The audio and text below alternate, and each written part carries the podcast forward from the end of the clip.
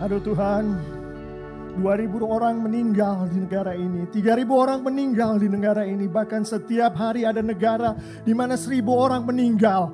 Mulai dari Italia sampai ke Amerika, bahkan sekarang mulai masuk ke negara kami tercinta Indonesia ini Tuhan. Bagaimana ini Tuhan? You be silence. Let me be your God. Tenanglah kamu anak-anakku. Biarlah aku menjadi Tuhanmu. Where is your faith?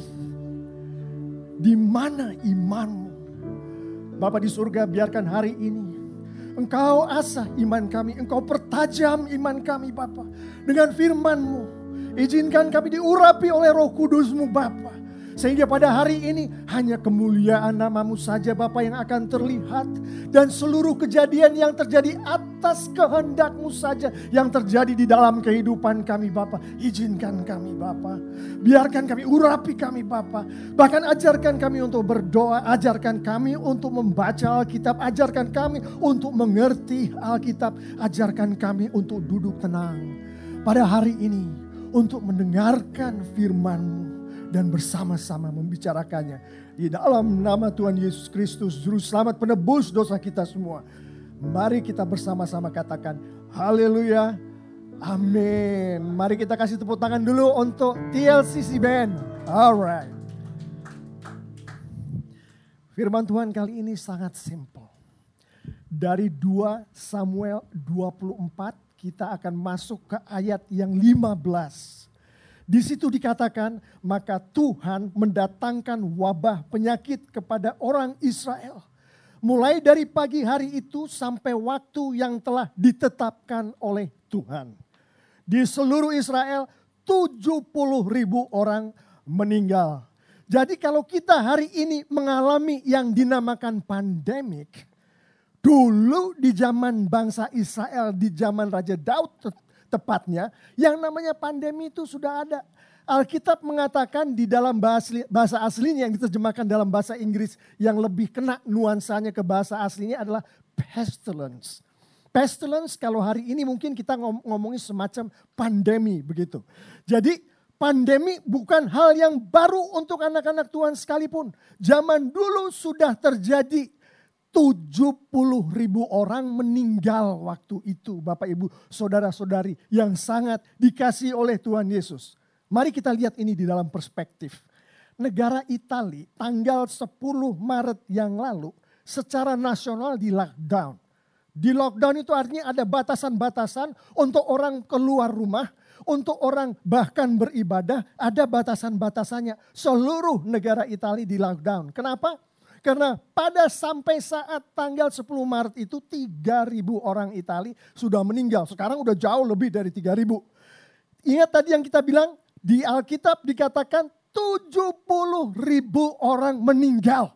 Bayangin bukan lockdown lagi itu saya pikir ya zaman itu. Nggak tahu macam gimana gitu. Nah jadi kita mau pelajarin ini pandemi sudah dibicarakan di firman Tuhan. Bukan hanya pandeminya yang dibicarakan, sebab-sebabnya dibicarakan. Dan yang paling penting adalah bagaimana anak-anak Tuhan berkelakuan, merespon, menanggapi pada saat pandemi itu sedang berlangsung sampai kemudian pandemi itu berhenti sampai pestilence itu berhenti. Mari kita mulai sama-sama. Kalau ada Alkitab silakan buka 2 Samuel 24. Sebetulnya dari ayat 1 sampai 25 yang kita mau bicarakan. Tapi yang ta tadi intinya yang saya, saya sudah uh, sampaikan tadi yang ayat 15. Nah 2 Samuel 24 ini ada paralelnya. Itu di 1 Tawarikh 21 satu Tawarikh 21 itu paralelnya.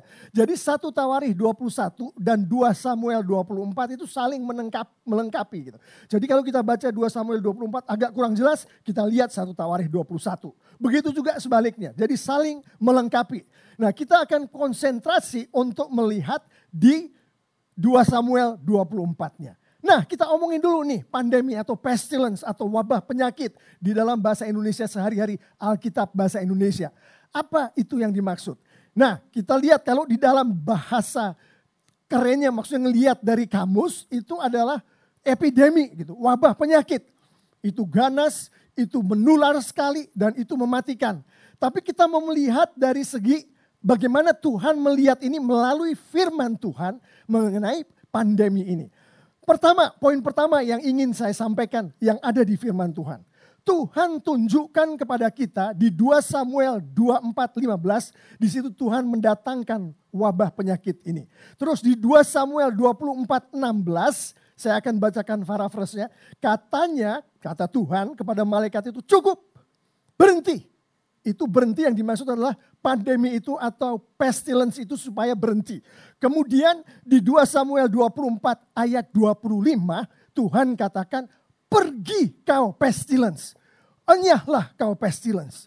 Jadi dengan tiga ayat tadi, dua-duanya diambil, tiga-tiganya diambil dari 2 Samuel 24, Tuhan menunjukkan kepada kita, hey pestilence, hey pandemi, aku mengontrol kamu.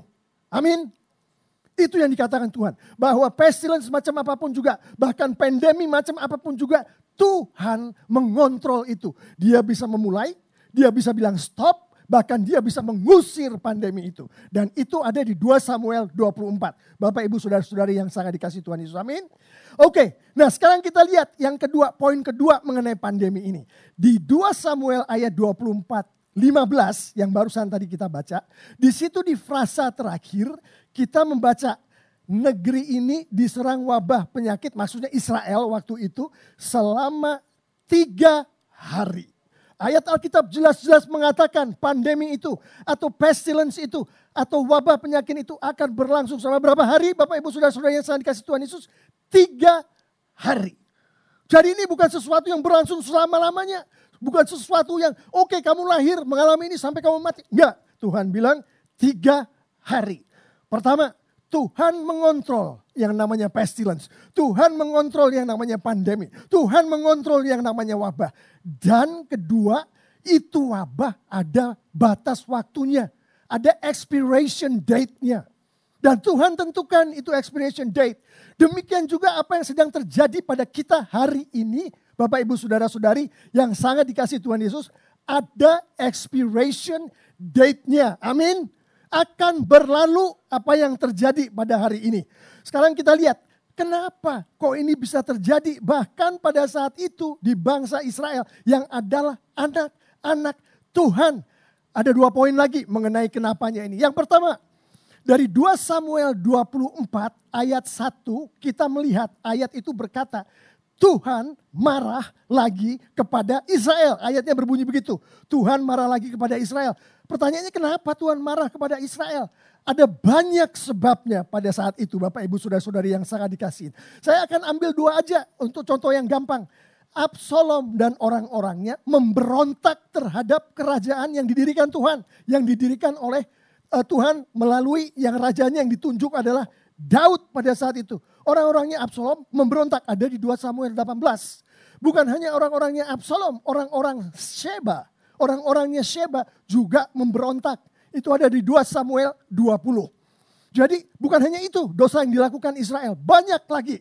Itu alasan pertama. Tuhan marah kepada Israel. Kedua, kita ambil dari 2 Samuel 24 ayat 10. Di situ dikatakan Lalu berkata kepada Tuhan, ini Raja Daud yang berkata kepada Tuhan, "Ya Tuhan, aku sangat berdosa." Raja Daud berkata kepada Tuhan, mengakui bahwa dia berdosa.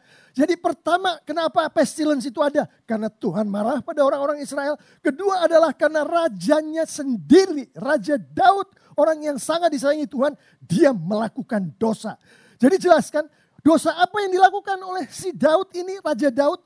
Nah kita lihat di keluaran 30 ayat 12. Saya akan bacakan nih keluaran 30 ayat 12. Pada waktu diadakan sensus bangsa Israel, setiap orang laki-laki harus membayar kepada Tuhan uang tebusan untuk diri si orang yang disensus itu. Nah yang dilakukan oleh si Raja Daud di 2 Samuel 24 itu, dia melakukan sensus, tapi dia nggak ngikutin hukum Musa yang ada di keluaran 30 tadi. Makanya Tuhan marah. Tuhan marah Itulah akibatnya. Pestilence atau wabah penyakit itu datang karena Tuhan marah. Jadi ayat 15 Tuhan datangkan itu pestilence. Terus ayat demi ayat demi ayat demi ayat. Lalu akhirnya Tuhan bilang, it's enough. Cukup sudah. Nah itu perkataan Tuhan sendiri yang artinya pandemi, pestilence, wabah penyakit, habis sudah expiration kamu. Udah waktunya kamu pergi dari tempat ini. Nah kita lihat di 2 Samuel 24 ayat 16. Saya akan bacakan ketika Tuhan melihat bahwa malaikat itu sudah siap untuk memusnahkan Yerusalem, jadi ini malaikat sudah siap mempergunakan pandemi itu untuk masuk ke dalam kota Yerusalem. Dia udah masuk nih. Kota-kota yang lain dari Dan sampai ke Beersheba, semua udah dimasukin tuh. Dia sekarang mau masuk, pandeminya mau dimasukin, pestilence-nya mau dimasukin ke Yerusalem. Tuhan bilang, cukup Hentikan itu. Tuhan bilang itu. Jadi Yerusalem diselamatkan. Kenapa Yerusalem bisa diselamatkan begini macam oleh Tuhan? Padahal Tuhan bilang tiga hari negara atau Israel ini akan dihancurkan dengan pandemi.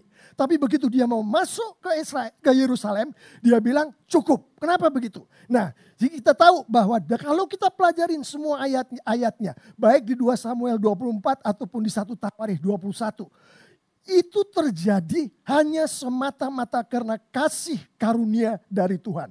By the grace of the Lord. Amen. Jadi grace of the Lord dia yang menghentikan pandemi atau pestilence ini memasuki kota Yerusalem. Tapi Tuhan gak berhenti sampai di situ saja. Di ayat 2, di 2 Samuel 24 ayat 25 yaitu alasan kedua. Eh, lanjutan keduanya adalah lalu Daud mendirikan mesbah jadi Daud mendirikan perbah dan mempersembahkan kurban bakaran serta kurban perdamaian. Lalu Tuhan mengabulkan doa Daud. Lalu berakhirlah wabah itu di Israel. Pertama tadi wabah itu mau masuk ke Yerusalem, Tuhan bilang cukup. Terus Tuhan melanjutkan lagi. Tapi di dalam dari yang ke ayat ke-16 ke ayat 25 tadi, dari tidak jadi masuk ke Yerusalem sampai akhirnya Tuhan bilang berhenti wabah dari seluruh Israel, itu ada sesuatu yang terjadi. Nah, sesuatu yang terjadi ini adalah orang-orangnya Tuhan, anak-anaknya Tuhan merespons menanggapi apa yang tengah terjadi, menanggapi grace yang Tuhan berikan kepada bangsa Israel. Di 2 Samuel 24 tidak terlalu kelihatan, hanya tiga yang kelihatan, yaitu Raja Daud, lalu Nabi Gad, dan Araunah dan anak-anaknya. Itu doang yang kelihatan. Tapi kalau kita lihat dari satu Tawarikh 21 di ayat 16 itu kelihatan sekali bahwa pemimpin-pemimpin Israel beramai-ramai menyertai Raja Daud memakai pakaian dari karung, bertobat, berdoa, minta pengampunan dari Tuhan. Jadi karena itulah maka reaksi dari Tuhan, berhentilah wabah itu, berhentilah pandemi itu dari seluruh Israel. Bukan cuma dari Yerusalem. Seluruh Israel pandemi itu keluar, diusir oleh Tuhan. Amin. Kan luar biasa itu. Pandemi sudah pernah terjadi Bapak Ibu Saudara-saudari yang sangat dikasih Tuhan Yesus. Ada batas waktunya. Tuhan kontrol itu pandemi. Dan pada saat dengan grace Tuhan, dengan kasih karunia Tuhan, Tuhan bilang pergi kau pandemi. Pergi kau pestilence. Dan terjadilah itu. Dan kita lihat yang kita mau pelajari hari ini adalah respons apa atau tanggapan apa atau tingkah laku yang macam bagaimana yang ditunjukkan oleh anak-anak Tuhan pada saat pandemi itu berlangsung. Mari kita lihat. Yang pertama kita akan lihat mulai dari 2 Samuel 24 ayat 10. Tapi sebelum saya masuk kemari, saya ingin bagi dua. Respon ini, tanggapan anak Tuhan ini dibagi dua. Pertama adalah tanggapan anak Tuhan yang melakukan anak Tuhan. Tapi yang mengontrol di baliknya adalah roh kudus Tuhan. Yang mengontrol roh kudus Tuhan. Artinya apa? Hanya roh kudus saja yang bisa melakukan tanggapan jenis pertama ini yang akan saya bicarakan. Nah nanti ada lagi tanggapan jenis kedua. Tanggapan jenis kedua adalah dilakukan oleh kita, oleh anak-anak Tuhan, tapi roh kudus membimbing. Jadi ada dua macam. Nah kita lihat yang macam pertama tadi, yang roh kudus bekerja. 2 Samuel 24 ayat 10, di situ firman Tuhan berkata, tetapi setelah Daud selesai menghitung bangsa itu, dia selesai bikin sensus. Terus Roh Kudus bekerja di hatinya Daud dan Roh Kudus menunjukkan kamu melanggar hukum Musa, kamu berdosa pada Tuhan. Terus begitu dikatakan dia si Raja Daud merasa bersalah. Jadi yang terjadi pertama terhadap anak-anak Tuhan, respons anak-anak Tuhan tadi, dia merasa bersalah. Raja Daud merasa bersalah. Jadi di dalam hal ini Roh Kudus yang membuat Raja Daud insyaf akan dosanya. Kedua, yang terjadi adalah diteruskan lalu berkata kepada Tuhan. Daud berkata kepada Tuhan, berkata kepada Tuhan. Kata kuncinya berkata Bapak Ibu Saudara-saudara yang sangat dikasih Tuhan Yesus. Pertama tadi roh kudus membuat Raja Daud insyaf. Kemudian roh kudus bekerja melanjutkan dengan membuat Raja Daud mengakui dosa-dosanya dari mulutnya. Itu yang dilakukan tadi. Jadi ada conviction, ada confession. Lalu yang ketiga kita akan melihat dari 2 Samuel 24 ayat 17. Di situ dikatakan, lalu Daud berkata kepada Tuhan, akulah yang berdosa Sebab aku yang membuat kesalahan itu. Hukumlah aku Tuhan dan keluargaku. Lihat perkataan Raja Daud tadi. Jadi roh kudus sudah membimbing Raja Daud untuk isyaf. Roh kudus membimbing Raja Daud untuk mengakui dosanya dari mulutnya. Kemudian roh kudus membimbing Raja Daud untuk bertobat. Untuk bertobat. Kita lihat selanjutnya. 2 Samuel 24, 25. Apa yang terjadi? Dia selama pandemi ini berlangsung. Di ayat 25 dikatakan, lalu Raja Daud mendirikan mesbah bagi Tuhan, mempersembahkan kurban bakaran serta kurban perdamaian. Tadi setelah urutannya tadi diinsyafkan, mengakui dosa, bertobat, lalu yang ini ayat 25 tadi berbuah.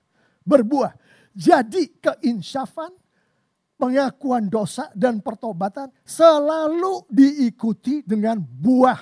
Kalau ada orang bilang, di mana pun orang bilang, aku udah insyaf loh. Aku udah bertobat, udah nggak lagi begini. Tapi dia nggak pernah menunjukkan buah di dalam kehidupannya. Yang tadinya dia memang suka mengabuse apa KDRT itu kepada istri atau anak-anaknya. Dia bilang saya udah insaf saya ini tapi dia tetap lanjutkan lagi. Gak ada buahnya. Buahnya itu berhenti melakukan KDRT. Terus dia bilang insaf saya udah dikunjungi Tuhan. Gak benar. Itu gak Alkitabiah. Jadi yang rentetan tadi setelah adanya pertobatan adalah berbuah-buahlah. Di dalam kasus Raja Daud dia mendirikan mesbah. Dia mempersembahkan korban, mempersembahkan korban. Bukan hanya itu, buah-buahnya banyak sekali itu sebagai contoh untuk gampangnya. Jadi itulah yang namanya tanggapan oleh anak-anak Tuhan yang dikontrol, bukan hanya dikontrol tapi dilakukan oleh roh kudus. Nggak ada di antara kita yang bisa insyaf atas dosa kita dengan kekuatan kita sendiri. Nggak ada anak Tuhan bilang, aku udah insyaf kok atas dosa-dosaku. Gimana kamu insyaf? Ya pokoknya saya insyaf. Udah ngomong sama istri saya, e, Mami aku minta ampun dong aku bersalah, berdosa, udah insaf, udah begitu. Gak bisa seperti itu. Roh Kudus harus ada di belakangnya. Bahkan yang namanya pengakuan dosa, Roh Kudus ada di belakangnya. Kalau gak percaya orang gak bisa melakukan pengakuan dosa tanpa Roh Kudus, bilang aja itu ke suami-suami itu. E, kamu e, ngaku dosa dong ke istri kamu, minta maaf dong ke istri kamu. Boro-boro, baru ngomong mau deketin istri kalau dia tahu lagi salah aja ngeliat udah udah macem-macem perasaan kan harus ada roh kudus di belakangnya. Jadi itu pekerjaan atau tanggapan dari anak-anak Tuhan di mana roh kudus yang melakukannya. Dan setelah itu tadi, empat hal itu tadi terjadi, conviction, confession, repentance, fruitfulness, baru Tuhan bilang, pandemi kau pergi dong dari Israel, enyah kau. Itu yang Tuhan bilang. Nah sekarang kita lihat yang respons model kedua. Yaitu anak-anak Tuhan merespons dibimbing oleh roh kudus. Tapi yang melakukan anak-anak Tuhan. Nah sebelum kita sampai untuk melihat respons yang dilakukan oleh anak-anak Tuhan itu. Mari kita renungkan sedikit aja. Siapa sih Raja Daud itu? Raja Daud itu adalah anak Tuhan. Betul kan kita tahu kan cerita-cerita di sekolah minggu bilang Raja Daud anak Tuhan. Bagaimana orang bilang Raja Daud anak Tuhan?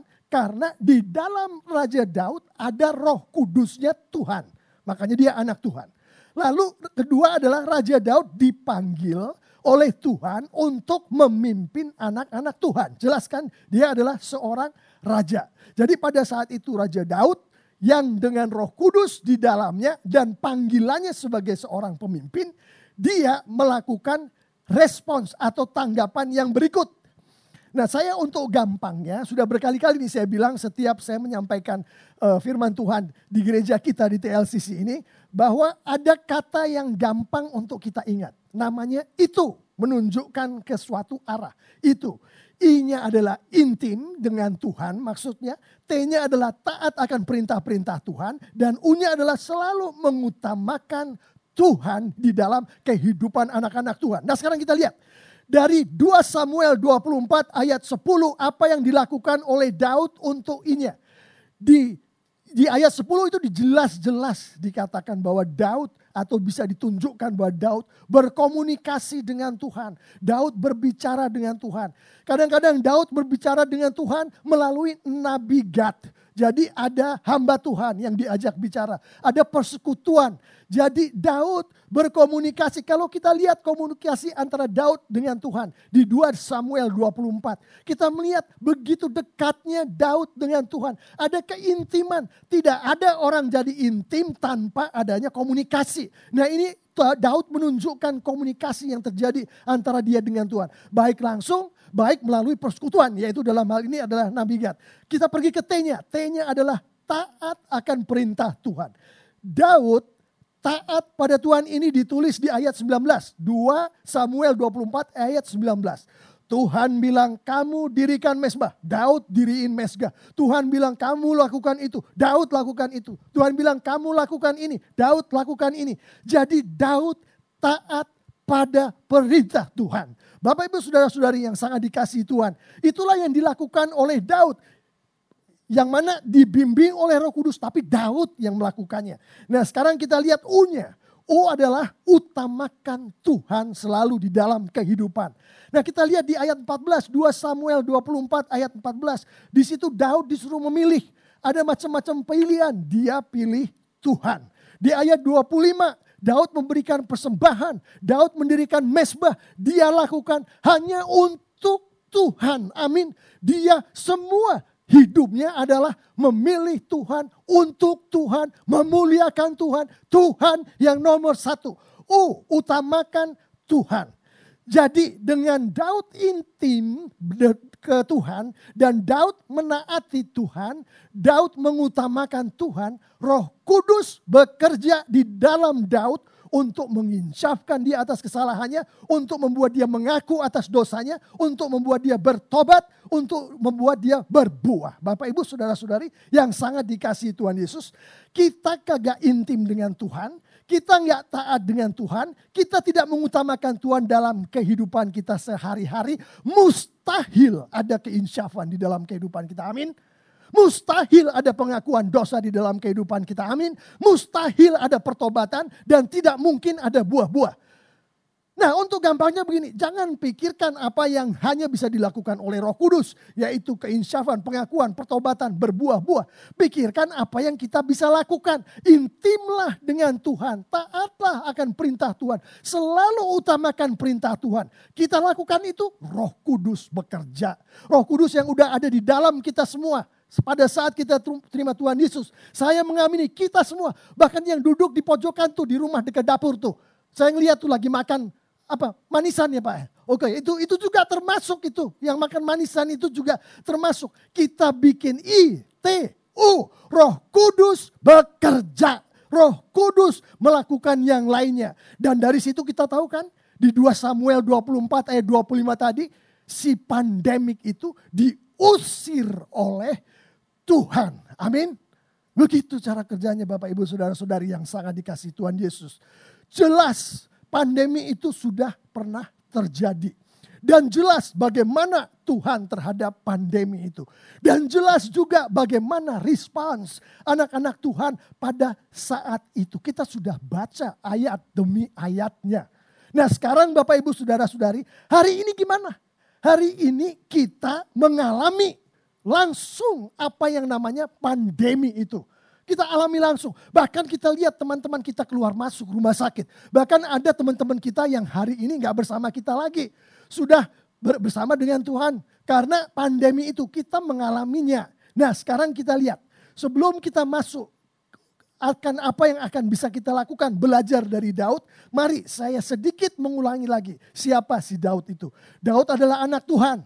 Kenapa? Karena di dalamnya ada Roh Kudus Tuhan. Daud dipanggil untuk menjadi pemimpin-pemimpin anak Tuhan. Sekarang gimana? Saya dan kita semua yang di rumah, bagaimana kita? Apakah di dalam kita ada roh kudusnya Tuhan Yesus? Pada saat kita menerima Tuhan Yesus, kalau jawabannya adalah iya, maka kita semua adalah anak Tuhan. Nah kedua, apakah kita dipanggil oleh Tuhan menjadi pemimpin anak-anak Tuhan? Jawabannya, Bapak Ibu Saudara-saudari yang sangat dikasih oleh Tuhan Yesus. Pada saat kita dipanggil untuk menerima roh kudus, maka kita otomatis ini artinya by default kita dipanggil untuk menjadi pemimpin anak-anak Tuhan. Nah perhatikan nih, kalau kita jadi anak Tuhan, artinya kita harus ikuti perintah Tuhan, bukan? Nah, salah satu perintah Tuhan yang ada namanya amanat agung itu adalah untuk memuridkan. Nah, pada saat kita memuridkan kan kita harus datangin orang. Mungkin pada saat kita datangi kita belum kenal itu orang. Kita datengin satu orang kita memuridkan dia, dia jadi murid kita. Guru itu adalah pemimpin dari murid. Entah itu muridnya satu atau muridnya dua atau muridnya tiga. Guru adalah pemimpin dari murid. Jadi kita itu dipanggil Tuhan untuk memimpin anak-anak Tuhan. Nah sekarang kita lihat, kita sudah tahu dengan roh kudus di dalam kita, dengan kita dipanggil untuk menjadi pemimpin anak-anak Tuhan, mari berdasarkan apa yang sudah kita lihat tadi yang dilakukan oleh Daud, kita lakukan hari ini bersama-sama. Pertama adalah intim. Intim tadi kita belajar dari Daud bahwa Daud berkomunikasi dengan Tuhan untuk membangun keintiman itu. Hari ini kita semua kita tahu, makanya kita punya online worship seperti sekarang ini. Hari ini terjadi di mana kita banyak sekali waktu untuk berdoa, untuk membaca firman Tuhan, untuk bersekutu online, bersekutu online kita punya banyak waktu untuk membangun keintiman kita dengan Tuhan. Nah perhatikan nih, Daud berbicara dengan Tuhan. Pada saat kita berdoa, kita berbicara dengan Tuhan. Tuhan berbicara dengan Daud. Pada saat kita membaca firman Tuhan, Tuhan berbicara ke kita. Jadi begitu kita membangun keintiman dengan Tuhan.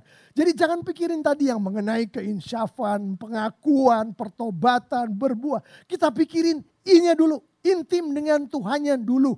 Jadi selama kita ada waktu banyak nih di rumah, apa kita berdoa dengan tekun, sungguh-sungguh setiap hari. Artinya apakah kita berbicara dengan Tuhan sungguh-sungguh setiap hari. Kedua, apakah kita betul-betul membaca firman Tuhan. Mengerti firman Tuhan yang kita baca itu. Apakah begitu? Nah dengan membaca firman Tuhan, Tuhan tuh berbicara ke kita. Hanya satu cara di zaman modern ini. Untuk bagian besar anak-anak Tuhan. Bagaimana Tuhan berbicara dengan anak-anaknya. Melalui firman Tuhan. I, intim dengan Tuhan. Bangunlah pada saat-saat sekarang ini. Berdoalah, bacalah firman Tuhan. Berdoa, berbicara dengan Tuhan. Bacalah firman Tuhan. Tuhan berbicara dengan kita. Kedua adalah T, taat pada perintah Tuhan. Taat pada perintah Tuhan seperti yang dilakukan Raja Daud yang saat ini kita sedang mau belajar tuh. Tuhan bilang apa? Raja Daud bikin. Tuhan bilang bikin mesbah, Raja Daud bikin. Sekarang kita taat pada perintah Tuhan. Taunya Tuhan bilang apa? Gimana? Tadi kan kita udah tahu. Kita baca firman Tuhan. Salah satu firman Tuhan itu ada dari Roma 13 ayat 1 sampai 2. Roma 13 ayat 1 sampai 2 katakan, saya fresh ini ya supaya gampang diingat. Setiap orang haruslah taat kepada pemerintah. Siapa yang ngomong begitu? Tuhan yang ngomong melalui Roma 13 ayat 1. Di ayat 2 kemudian dilanjutkan, orang yang menentang pemerintah sama saja dengan menentang apa yang telah ditentukan Allah ini Tuhan berfirman melalui Roma 13 ayat 1 dan ayat 2. Jadi taat perintah Tuhan di dalam hal ini adalah taat pada pemerintah. Pemerintah bilang jangan ngumpul-ngumpul, ambil social distancing, physical distancing, tinggal di rumah. Kan pemerintah kasih nasihat itu. Ini adalah pemerintah dan Tuhan bilang taat pada pemerintah, kita ikutin. Pada saat kita taat pada pemerintah, kita belajar dari Daud untuk taat pada Tuhan. Dengan taat pada firman Tuhan. U adalah utamakan Tuhan. Apa pun di dalam kehidupan Daud selalu adalah untuk Tuhan dengan memajukan Tuhan yang nomor satu di depannya dan untuk kemuliaan Tuhan. Saya mau tanya, kita tahu artinya apa dan kita mau melakukan itu hari ini. Nah sekarang pertanyaannya, kalau pemerintah kasih aturan nih, jangan bikin kumpul-kumpul besar. Jangan bikin uh, pergi ke tempat-tempat di mana di situ uh, jelas-jelasan pemerintah melarang untuk pergi. Tapi kita tetap pergi ke tempat itu karena kita merasa kalau kita berada di antara teman-teman kita rame-rame, kita merasa senang. Pertanyaan saya, siapa yang diutamakan pada saat kita pergi ke tempat yang rame itu? Tuhankah? Atau kita mengutamakan kesenangan kita sendiri? Kalau kita belajar dari Daud, jangan utamakan kesenangan sendiri, utamakan Tuhan. Jadi jangan pergi melanggar peraturan-peraturan itu. Contoh kedua adalah hoax. Pada saat kita menyebarkan hoax. Kita menyebarkan hoax, biasanya orang yang nyebarin hoax itu dia pengen dianggap dia tahu banyak hal. Dia pengen dianggap saya ini populer nih. Banyak orang yang suka sama saya. Ada berita terjadi saya selalu dikirimin. Dan untuk menunjukkan ke orang lain saya kirimlah hoax itu ke orang lain juga. Nah pada saat itu siapa yang diutamakan? Kan kita si pengirim hoax itu. Jadi kita mau mengutamakan Tuhan berhenti jangan kirim hoax. Satu lagi panic buying. Pernah dengar tuh panic buying? Kita pergi ke supermarket, borong segala macam kita borong. Pada saat kita melakukan itu kepentingan siapa yang nomor satu? Yang jelas bukan kepentingan Tuhan. Kita borong orang-orang lain yang gak punya duit, yang gak bisa borong. Yang pada saat nanti dua hari kemudian perlu dia gak punya. Dia menangis, dia berdoa pada Tuhan. Apa? Kita mau bilang siapa yang kita pentingkan di situ. Jangan panic buying. Jadi ITU, intim dengan Tuhan. Taat pada perintah-perintah Tuhan. Utamakan Tuhan, Bapak Ibu Saudara-saudari yang dikasih Tuhan Yesus. Itu saja itu saja yang kita perhatikan. Dan kita belajar dari Alkitab. Dengan kita melakukan ITU tadi, maka roh kudus yang ada di dalam kita semua. Bapak ibu saudara-saudari yang sangat dikasih Tuhan. Ada di dalam kita semua, amin. Pada saat kita menerima Tuhan. Itu akan bekerja di dalam kehidupan Bapak Ibu. Akan menginsyafkan dosa, akan membuat orang-orang kita, bahkan keluarga kita mengaku dosa-dosa. Roh Kudus yang bekerja, bukan kita. Akan membuat kita dan orang-orang di keluarga kita untuk bertobat dan akhirnya dia akan membimbing, menggait orang-orang itu yang tadinya sudah insyaf, mengaku dosa dan bertobat itu untuk berbuah-buah. Amin. Dan dengan itu 2 Samuel 24 ayat 25 mengatakan Tuhan bereaksi dengan mengusir pandemi itu. Mengusir pestilence, wabah penyakit itu dari seluruh negara Israel. Begitulah firman Tuhan Bapak Ibu Saudara-saudari yang sangat dikasih Tuhan Yesus. Mari kita sekarang tunduk kepala, kita akan renungkan apa yang Tuhan barusan sampaikan. Apakah kita sudah betul-betul mengerti bahwa Tuhan memegang kontrol atas apa pun yang terjadi di dalam kehidupan kita, termasuk yang namanya pandemi ini. Tuhan kontrol. Kita sudah belajar tadi dari 2 Samuel 24. Dia bisa memulai, dia bisa menstop, dia bisa ngusir. Kedua, Tuhan katakan bahwa ada waktunya, ada expiration date. Jadi ini nggak akan berlangsung on and on terus menerus nggak. Ada waktunya nih, expired kamu keluar. Tuhan ada expiration date-nya itu. Apakah kita mengerti itu? Setelah kita mengerti, apakah kita tahu dan menyadari betul bahwa pada saat pandemi itu berlangsung, Roh Kudus Tuhan bekerja menginsafkan, membuat orang mengakui dosa, membuat orang bertobat dan menggiring orang, membimbing orang untuk menghasilkan berbuah-buah. Apakah kita ngerti itu? Dan yang terakhir adalah apakah kita menyadari penuh bahwa bagian kita bukan untuk menginsafkan diri kita, bukan itu bagian kita. Bagian kita adalah untuk supaya kita intim dengan Tuhan. Dari hari ke hari. Banyak waktu kita di rumah sekarang. Berdoalah, baca Alkitablah. Komunikasi dengan Tuhan itu artinya. Dan dari situlah kita membangun keintiman Tuhan. Kedua, taatlah pada perintah Tuhan. Pemerintah bilang apa? Di, di, Roma tadi kita belajar bahwa apa yang dikatakan pemerintah, tidak ada pemerintah yang tidak diordain oleh Tuhan. Maka itu taat pada pemerintah artinya taat pada firman Tuhan. Apa kita ikutin apa yang pemerintah bilang. Nah yang akhirnya adalah utamakan Tuhan selalu. Jangan panic buying ya. Jangan ngirim hoax. Jangan. Jangan bikin itu. Dan jangan coba-coba melanggar peraturan. Karena itu nggak mengutamakan Tuhan, Bapak Ibu Saudara-saudari yang sangat dikasih Tuhan Yesus. Jadi begitulah.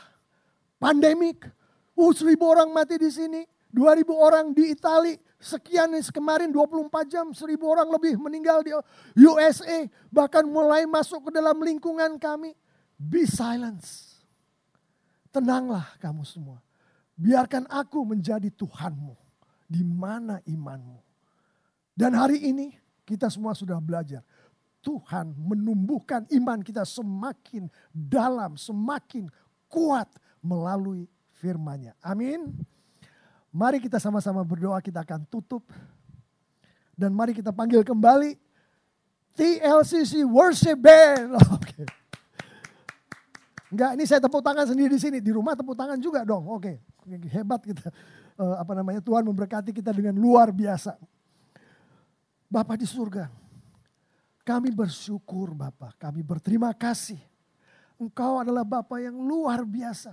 Engkau adalah Tuhan kami yang penuh dengan kasih karunia dengan grace. Dan berdasarkan Alkitab, firmanmu 2 Samuel 24 tadi Bapak yang barusan kami bersama-sama mempelajari engkau tunjukkan bahwa grace-Mu inilah yang akan menghentikan apa yang tengah terjadi pada saat ini. Dan kami mengamini itu Bapak di surga. Dan sesuai dengan pelajaran yang kami pelajari Bapak. Akan apa yang engkau mau anak-anakmu lakukan. Sementara yang namanya pestilence, yang namanya wabah ini berlangsung. Yang kami sudah belajar tadi Bapak. Bapak urapi kami dengan roh kudusmu. Urapi kami Bapak dengan roh kudusmu saja Bapak. Jangan dengan kekuatan-kekuatan lain. Sehingga kami boleh melakukan apa yang engkau mau kami lakukan. Yaitu semakin hari semakin intim denganmu Bapak di surga. Semakin hari semakin taat Bapak akan perintah-perintahmu. Dan semakin hari semakin mengutamakanmu Bapak di dalam kehidupan kami sehari-hari. Oh Bapak, Bapak urapi kami buatlah kami melakukan. Karena tanpamu, tanpa roh kudusmu, kami tidak tahu mesti berbuat apa. Tapi dengan roh kudusmu, dengan urapanmu, kami tahu pasti bahwa engkau menggandeng tangan kami apa pun yang terjadi. Dan semua untuk kemuliaanmu Bapa di surga dan anak-anak Tuhan yang percaya semua katakan haleluya amin